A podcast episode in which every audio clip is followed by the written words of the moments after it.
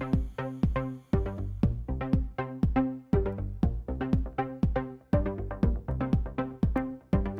Komiði sæl og velkomin að speklinum. Ekki er einhugur um þá meðal sérfræðinga hvernig eigi að tólka niðurstöðu dómsmannréttinda Dómstóls Evrópu í landsréttarmálinu og því hefur verið ákveðið að óska eftir endurskoðun á honum. Þetta segir dómsmálar á þeirra. Formaðu dómarafélagsins hefur skilning á ákvörðun dómsmálar á þeirra að skjóta dómi mannréttinda Dómstólsins til yfirdeildarinnar en vil sjá aðgerði til að bregðast við þeirri stöðu sem landsréttur er í. Þjóðverjar útilokku ekki að brettar fái frest fram yfir næstu áramót til að ganga úr Evrópusambandinu. Frakkar segja að frestur komi til greina en með ströngum skilirðum. Leithtóar ESB ríkja taka ákvörðunum frest á morgun. Skólinn gegnir líki hlutverki að fá börn til að segja frá kynferðisofbeldi, segir talskona stígamóta. Flest börn sem beitt hafa verið kynferðisofbeldi vilja ekki kæra vegna skammar og sektarkendar. Rektor Háskóla Ísland segir stundakennara sinna stóru hlutvalli kennslu við skólan en það skýrist af fjárhagstöðu skólans. Um sjónamaður speilsins er Pálmi Jónasson. Þórtís Kolbrún Reykjörð Gilvadóttir, dómsmálar á þeirra, segir að hagsmunir af því að fá endanlega niðurstöðu yfir deildar mannrettinda dómstóls Evrópu í landsréttarmálinu vegið þingra en kostinni við að ljúka málinu strax. Íslensk stjórnvöld tilkynntu í dag að þau ætla að vísa málinu til yfir deildarinnar og óska eftir endurskoðun. Ástæðan fyrir því er að hagsmunir eru mjög miklir og þetta er stórt mál sem hefur haft áhrif á okkar réttakerfi það er spurningar sem að vakna eru margar og menn ekki sammála um nákvæmlega hvað dómurinn þýðir. Við erum hér að gefa dómstólum það fær á því að, að, að eh, tólka það og endur skoða þá niðurstöðu sem við komist af áður. Eh, það var minnur hluti og meiri hluti í dómnum og all svona miklar aðtjóðasemdir gerðar í minnur hluti áliti. Þannig að við erum hér einfallega að tæma það leiðir sem í bóð eru og nýta þau réttindi sem við höfum sem aðelar að sáttmálunum. Nú er þessi fjóri dómarar sem eru undir í þessu máli ekki að dæma, hver er þá staða þeirra? Já, þeir hafa ákveðið það að dæma ekki á svo stötu. Þeir eru auðvitað lögumætt skipaði dómarar uh, og það er niðurst að hæstaréttar og hún stendur og þessi áhrif dómstólsins úti hefur engin áhrif á það. Uh, þau meta stöðu sína þannig að þau geta ekki dæmt á svo stötu út af niðurstöðu mannstundum dómstólsins. Þannig að Það, það er einfallega staðan og við eh, vonustu þess að, að máli verður þá tekið fyrir og staða þeirra munu skýrast. Sagði Þórdís Kolbrún í viðtalvi Jóhann Bjarnar Kolbeinsson. Ingi Björg Þorsteinsdóttir, formaður dómarafélagsinn, segir skilja þá ákverðun ráð þeirra að skjóta dómi mannrættinda dómstólsins til yfirdeldar dómsins, engum í ljósi þess hver fordæmanlaus dómurinn er. En á hinbóin hef ég bara áhyggjur af því óvissu ástandi sem er uppi núna varðandi landsrið og uh, sakna þess að sjá ekki frekari ákvarðanir um það hvað gera skuli nú þegar og til næstu framtíðar.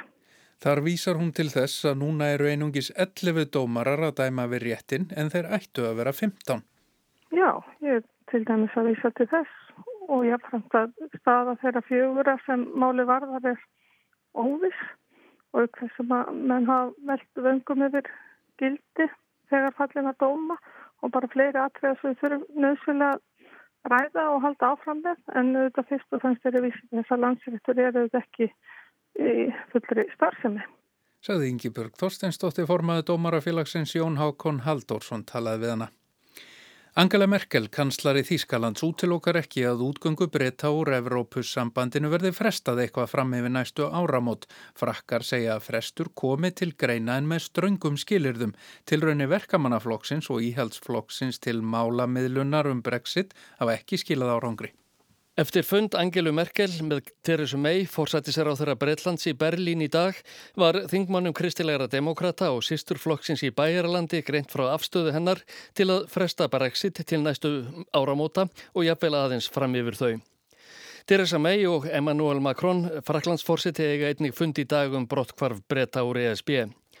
Aðstóðarmadur Makrons eh, fraklandsfórsetta sagði síðdeis að fórsetin væri því ekki frákverfur að brettar fengju lengri frest. Hins vegar er þið að setja ströng skilirið fyrir frestinum og að eitt ár væri of langur tími. Letóvar ESB er í kjanna koma saman til aukafundar í Brussel á morgun til að ræða frekari frest. Náist ekki samkumla ganga brettar samningslausir úr Evrópusambandinu klukkan tíu á fyrstudagskvöld að íslenskum tíma. Tilstóða að brettar kynntu á fundinum á morgun leiðir til að koma skilnaðarsamningnum í gegnum breska þingið. Ekkert verður á því að því er breska stjórnin tilkynnti síðdegis. Viðræður íhaldsflokksins og verkamannaflokksins hafa til þess ekki skilað neinu sem á er byggjandi. Reynd verður á framsíðar í vikunni að komast að samkúmulagi. Ásker Tómasson sæði frá. Þingmenn ræða enn þriðja orkupakkan og gera fram eftir kvöldi en takast á ólík sjónamið, miðflokks og flokks fólksins annarsvegar og allra annara flokka á alþingi hinsvegar. Fyrir í dag sæði Þorstein Vílundsson var að formaði viðreistnar að það væri algjörlega óþólandi að setja undir ásökunum um það að ganga á bak drengskaparheits síns við stjórnarskar og Íslands og um að setja hér að svikráðum við þjóðina. Þorgrimur Sigmundsson var að þingmaði Sigmunda Davís Gunnlaugssonar Guðjónssonar sagði ummælið Þorsteins ekki svara verð. Þrjú af hverjum fjórum börnum sem beitt hafa verið kinnferðis ofbeldi vilja ekki kæra vegna skammar og sektakendar. Þetta segir Guðrún Jónsdóttir talskona stígamóta en samtökinn kynntu áskýslu sína í dag þeim finnst þau raunveruleg ekki hafa neitt að kæra vegna þess að þeim finnst þau bera ábyrða á ábyrldinu sjálf. Mm. Svo mikla ránkugmyndir sem það eru. Svo bætist auðvitað við það að þeim hefur verið hóta, þau vilja ekki brjóta upp fjölskylduna sína og, og fæst þessara mála leiða til dóma. Því yngra sem barnið er þegar að barnið er beitt ábyrdi því minni líkur er á að náist dómir. Þannig að það eru ansi margir samverkandi þættir þarna. Börn eru skinsamt fólk og þau hafa engan áhuga á því að láta brjóta upp fjölskylduna sína eða að einhver fari í fangilsi. Þau vilja fyrst og fremst vera örug og að þetta hætti. Þannig að þau er ekki að segja frá. Það sem að ég rekk augun í og þykir kannski að við getum gert hvað mest, þau er ekki að tala við heilsugessluna, þau er ekki að tala við skólana. Og það sem þessi börni á samhældi er að þau ganga í skóla. Þannig að skólinn er í leiki hlutverki til þess að hafa kynferðisofbild og dagskrá og benda börnum á eh, hvers konar hjálp standið til búaða ef að þau lendi í svona ósköpum. Sæði Guðrún Jónsdóttir í samfélagin í nærmynd á ráseitt í dag. Rektor Háskóla Ísland segir stundakennara sinna stóru hlutvalli kennslu við skólan en það skýrist af fjárhagstöðu skólans. Hann gerir sér vonir um að breyting verði á þessu sem og báum kjörum stundakennara. Framkomi fréttum Rúvíkjær að hópur réttlausara stundakennara haldi uppi alltaf þriðjungi allarar kennslu við Háskóla Íslands. Og það er hátt, ég viðkenni það, en þetta hangi nú til að mynda á fjárhastöðu Háskóla Íslands að eh, við þyrstum að hafa fleira fast starfsfólk en, en eh, eins og við vitum þá er Háskólinn undir fjármagnaður í alþjóðlegu samhengi og þetta er það vandamál sem við erum að horfa á. Segir Jón Alli Benediktsson, rektor Háskóla Íslands. Hann segir ekki sé gert ráð fyrir að stundakennarar kenni mjög mikið. Mikilvægt sé þó að skólinn geti leita til samfélagsins eftir sérfræðingum til að halda uppi miklu og góðu námsframbóði. Laun stundankennar eru lág og réttindi þeirra engin. Jón Alli segir skólan meðvitaðan um það, ítrekka það verið fjallað um það, kjörin hafi verið bætt og viljið sé til þess. Ef við hugsaum um hvaða kostar að hækka launin til dæmis um 10% það kostar 60-70 miljónir svo við þurfum bara að fara yfir það hva, hvað við getum gert. Rektor segir til til að fá að stundakennar að kenna mjög mikið, hálft vinnuframlega eða svo, eða 700-800 tíma, þeir séu um átján. Þeir sem hins vegar kenni færri en 20 tíma séu um það vil þúsund. Kerfi sé ekki hugsa þannig að fólk sé föstu starfi við stundakenslu. Háskólinu með það yfirlýsta markmið að komast í fremsturu að háskóla. Rektor segir hátt hlutfall stundakennara bitna á því markmiði. Já, já og því fleiri fasta starfsmenn eða fast starfsfólk sem við höfum því betur mælust við svoleiðis í alþjóðlegum samanbyrði, samanbyrði og það er þannig að það er hort á nefnda kennarallöðtvöld og þess aftar svo það, það kemur beintar inn og það má ekki gleyma því að því fleiri fasta starfsmenn sem við höfum því betur getum við sint þjónustu við nefnendur. Sæði Jón Alli Benediktsson Haugur Holm sæði frá. Valsmenn fengu í dag góðan liðstyrk fyrir komandi átöku í úrvalsteildinni í fótbolta en Hannes Þór Haldásson landsleismarkmaður skrifaði í dag undir þryggja ára samning við félagið. Þriðji orkupakkin var og er umdeildur í Nóri þótt hann hafi verið samþygtur þar þegar umræðan var sem mest um hann var reynd að draga upp staðreindir málsins. Áður en þriði orkupakkin var samþyktur í Nóri í fyrra voru skiptarskoðanar eins og hér og hópar með anstæði sjónamið tókust á. Í Nóri eins og hér áttu margir erfitt með að skilja hvert innihald orkupakkans er og hver tilgangurinn er með honum.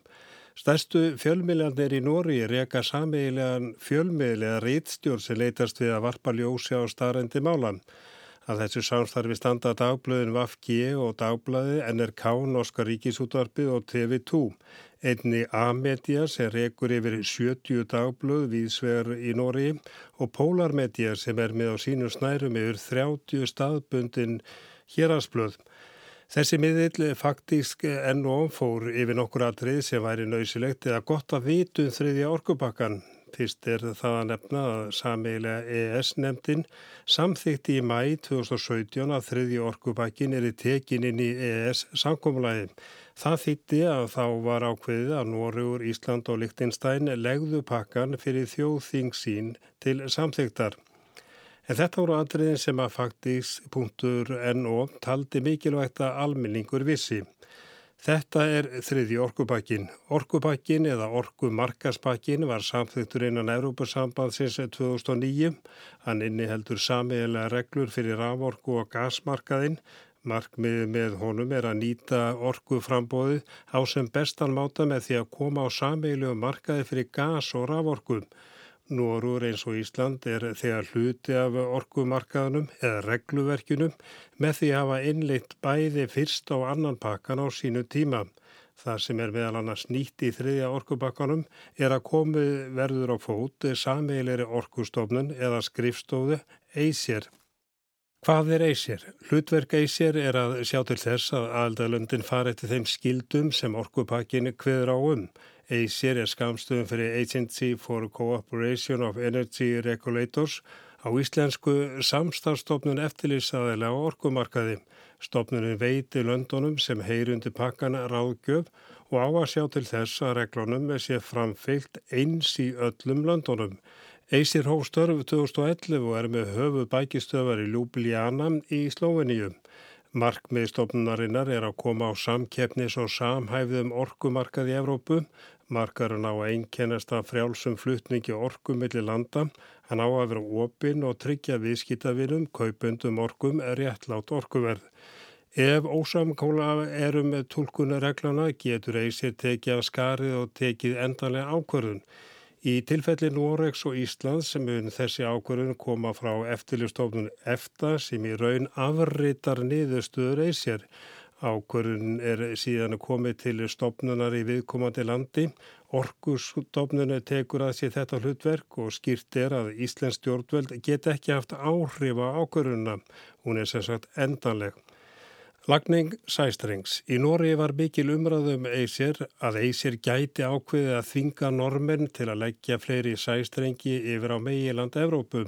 Faktísk.no segir að ekkir bendi til þess að stofnin hafi eða muni fá slíkt vald. Lögfræðingarnir Austein Skútæm og Alexander Dýbvík Miklubust segja að ákvörunavaldið til að taka ákvörunum lagningu sæstrengja til annara landa mun ekki breytast með þriðja orkubakkanum. Það verði eftir sem áður í höndum normana. Alberto Poto Singning, fórstjóri Eitser, vísa því ákveð á bugastofnunin hafið þetta vald. Hann segir að hún ákveð ekki innviða uppbyggingu eða taki ákvörnum orgu framkvæmdir. Máli snúust um að löndin fara eftir sömu leikreglum á orgumarkaði. Reyndar er það svo að normin stefna því að leggja fleiri sæstrengi til að selja og kaupa ramagn en svo ákvörun tengist ekki æsir. Valda framsalið. Upptaka þriðja orkubakkar sem fól í sér valda framsal eða framsal ríkisvalds í Nóri og gerir það þá vantilega líka hér. Þegar upp koma slík mál í Nóri þarf tvo þriðju hluta þingmana til að samþykja framsalið. Norska dónsmálaráðuniti taldi að ekki þyrta beita þessu ákvæði vegna þess að framsali væri ekki það mikið. Hins vegar var deilt um þetta. Hans eh, Petter Graver, lagaprófessor, sagði að niðurstaða ráðuniti sinns væri galinn. Hann taldi að framsali væri mikið. Yngripp eftirlistofnar efta eða í raun eitt sér væri ekki hægt að telja lítið. Ákvörðan taka eitt sér gæti haft áhrif á norsk fyrirtæki og almenning. Þetta getur eitt sér ákveðið. Terje Bekkidal, lagaprófessor, vekur aðtikli á atriðum sem korki snerta valdheimildir ESB en EISR. Það er ná ekki til egnarhalsfyrirtækja, ekki til uppbyggingar orkufyrirtækja og lagningar sæstrengja. Hann segir að Eithsér bú ekki til reglur eða stefnu, mikilvægast að hlutverðstofnunar sé að tólka regluverkið og búa til vinnureglur sem öll löndin verða að fylgja. Eithsér getur tekið ákvörðun eða skorið úr um ef ágreiningur er um reglunar milli landa að þessu leiti virkar stofnunin sem einskonar domstól. Brekkendal telur að fullveldisafsalið til EISIS í raun lítið vegna þess að ákvarðanir stofnunarinnar snúist fyrst og fremst um að taka ákvarðanir út frá reglum sem þegar hafi verið samþektar.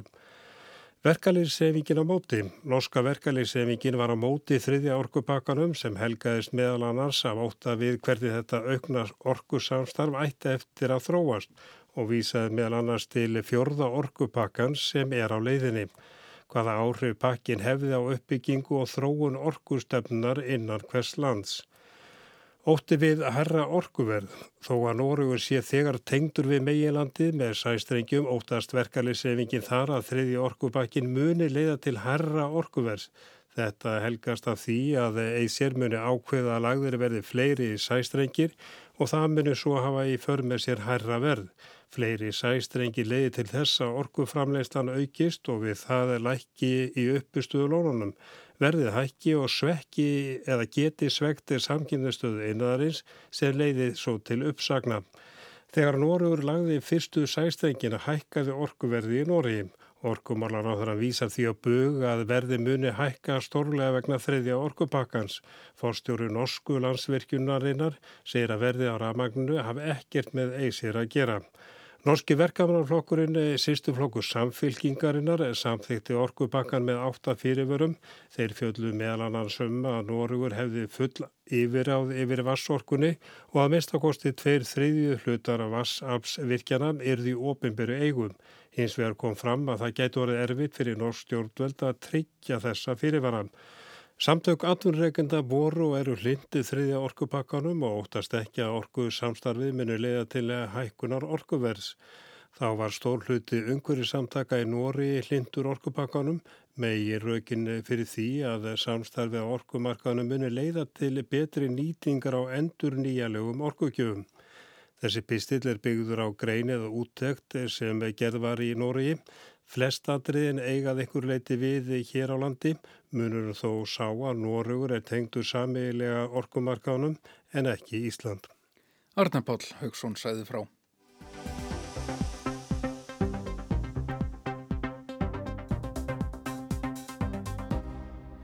Sigurborg Ósk Haraldsdóttir formaði skipulags og samgöngur ás Reykjavíkur segir að fastegnagjöld verði lækkuð í skrefum úr 1,65% af fastegnamati í 1,60% fram til ársins 2022. Hækkun fastegnagjölda hefur orðið til þess að fjölmörg verslunarími á bestastæði miðborginni standa auð.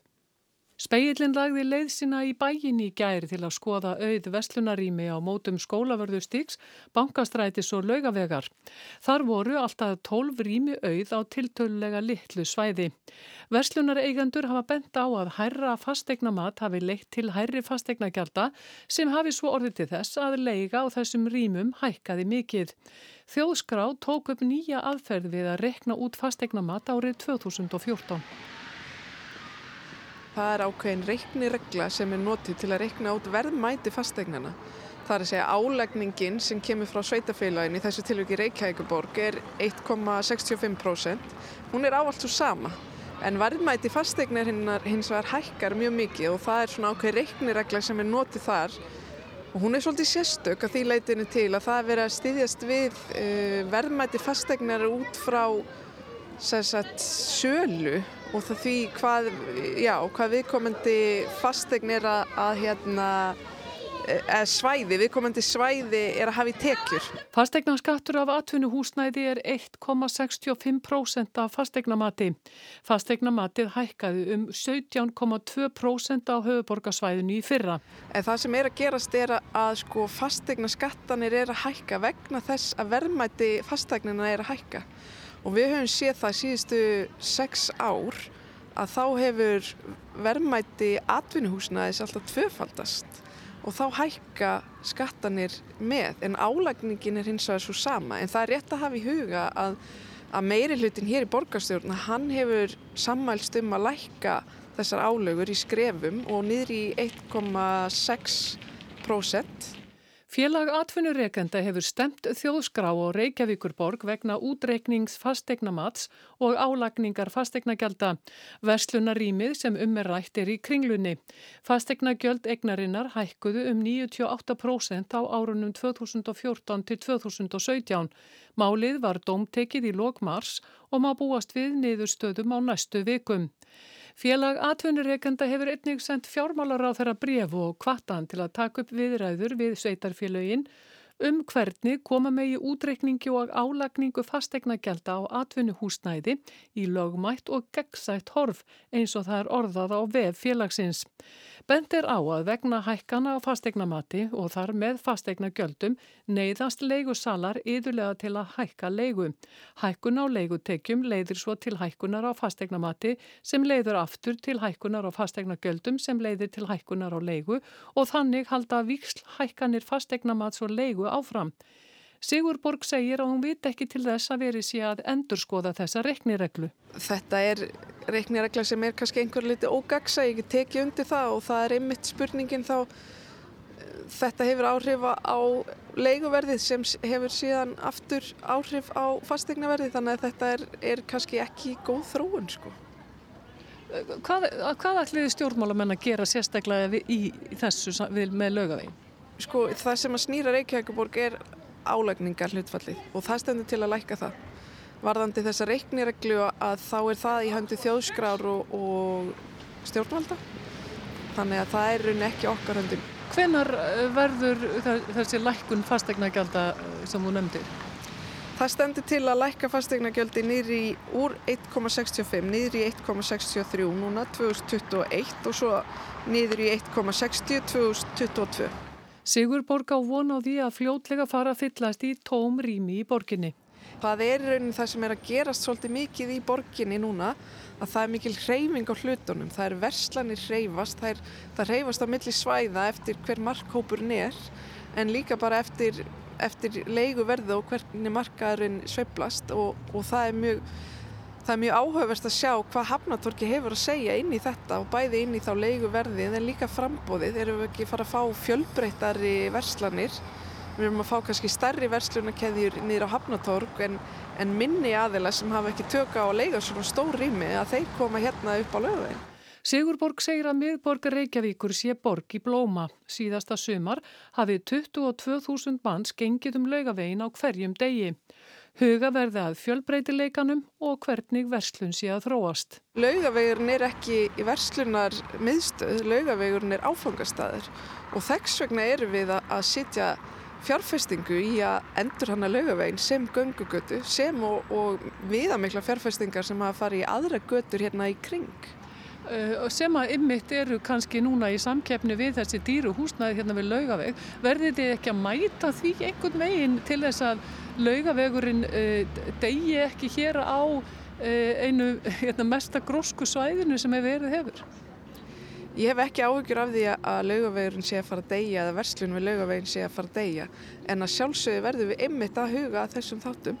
Ég er hjartalega sammála því og það er það sem að, að mikið af okkar vinnu fer í en það má ekki gleima því að það eru tóm rými líka í kringlunni. Það eru tóm rými annar staðar og í rauninni eins og sérst til dæmis um gjörvall bandaríkin að þá eru svona verslunar húsnæði, svona big boxes í þúsundavís sem hafa lokað þannig að verslun og verslunar hættir er að breytast.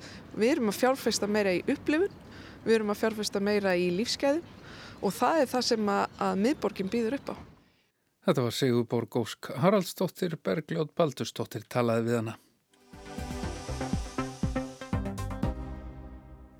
Vísindum og möguleikunum til að hafa áhrifi með erðatækni flegir fram en menn verða að velta fyrir sér afleðingum og stíga varlega til jarðar má segja að sé intakið í nýri skýslu saminuðu þjóðana þar sem veltir upp áskorunum og umhverfis ógnum framtíðar. Þar á meðal eru möguleg áhrif nýrar líftækni. Dreifing erðabrittra mýflugna í baráttu gegn malari í Afríku gæti haft ófyrir síðar afleðingar. Þetta er meðal þess sem rættir um í skýslunni þar sem líka er hort til jákvæðra áhrif af nýjungum í erðatækni. Með henni verður mögulega hægt að útrýma sjúkdómum, endurlífka hornartegundir og búa til ímislegt sem maðurinn reyði sig á á hagkvamari hátt og ánþess að ganga á náttúröðlindir með sama hætti og nú er. En um leið, kalli þróunin og eftirlit og lagasetningu og alþjóða vettvangi að mati um hverju stofnuna saminuðu þjóðana. Erðabreittar lífverður gætu til dæmis hjálpa til í baróttu við sjúkdóma sem verða hundruðum þúsunda manna aldur til að ár hvert. Hartnar hálf miljón manna dó úr malaríu sem berst með moskítoflugum árið 2016. Í nokkrum löndum Afríku, þar á meðal Burkina Faso, er vera að undibúa að sleppa þúsundum moskítoflugna sem bera með sér gen sem veldur ófrjósemi og myndi eigðastofninum. Í dag er líka mögulegt að erðabreita ekoli gerlum svo þeir framleiði lífdísil eða bólusetningarefni gegn klamidíu, svo nokkuð sér nefnt. Þetta er allt mögulegt í dag. Og líka hort til þess að með bakterjum geti verið mögulegt að framleiða ímisefni sem nú eru helst búin til úr ólíu eða öðrum uppsprettum sem ekki endur nýjast. Og með erðabreitu geri er hægt að búa til leður sem svipar í flestu til húða af dýrum. Fyrir nokkrum árum kom fram ný erðatækni sem köllu hefur verið krispr.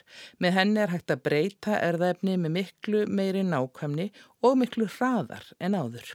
Með henni hefur verið vonast til að hægt verið að útrýma argengum sjúkdómum, auka vöxt hústýra og gera þau ónæm fyrir vissum sjúkdómum og auka uppskeri svo hægt sé að fæða fleiri. En erðarteknin hefur ekki bara vakið aðtikli stóra háskóla og stórfyrirtæki eins og lifjareysana. Venjulegir borgarar hafa líka látið til sín taka og á síðustu árum hefur farið að stað bylgja þar sem henn dunda sér sjálfur við tilraunni með genaferjur. Án þess að búa yfir mikilli þekkingu á lífísindum fyrir, koma með minn saman, taka skindikursa í líftekni og gera svo raunverulegar tilraunir nánast í bílskotnum.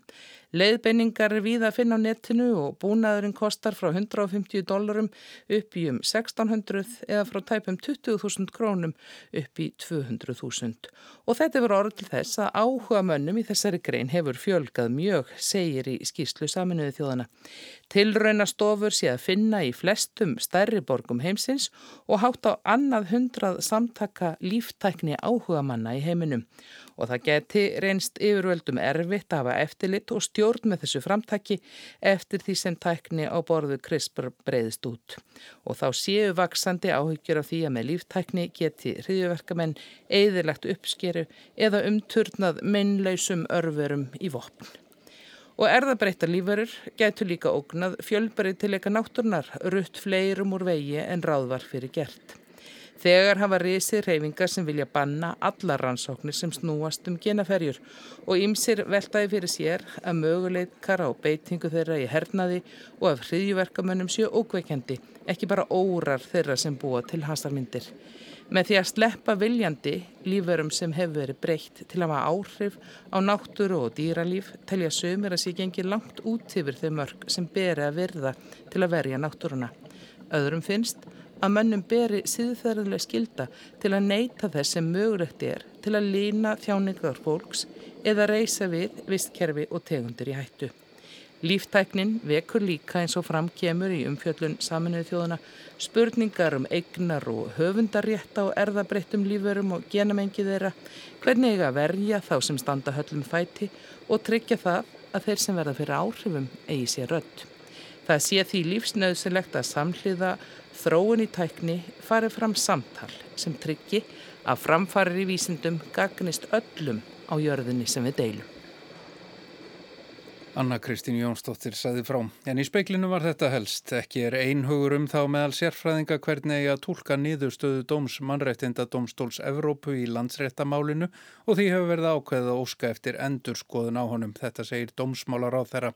Formaði dómarafélagsins hefur skilning á ákvörðun dómsmálar á þeirra en vil sjá aðgerði til að breðast við þeirri stöðu sem landsréttur er í og þjóðverjar útiloka ekki að breytar fái frest fram yfir næstu áramót til að ganga úr Evrópusambandinu. En það er ekki fleira í speiklinum. Tæknimaði var Magnús Þorstein Magnússon. Verðið sæl.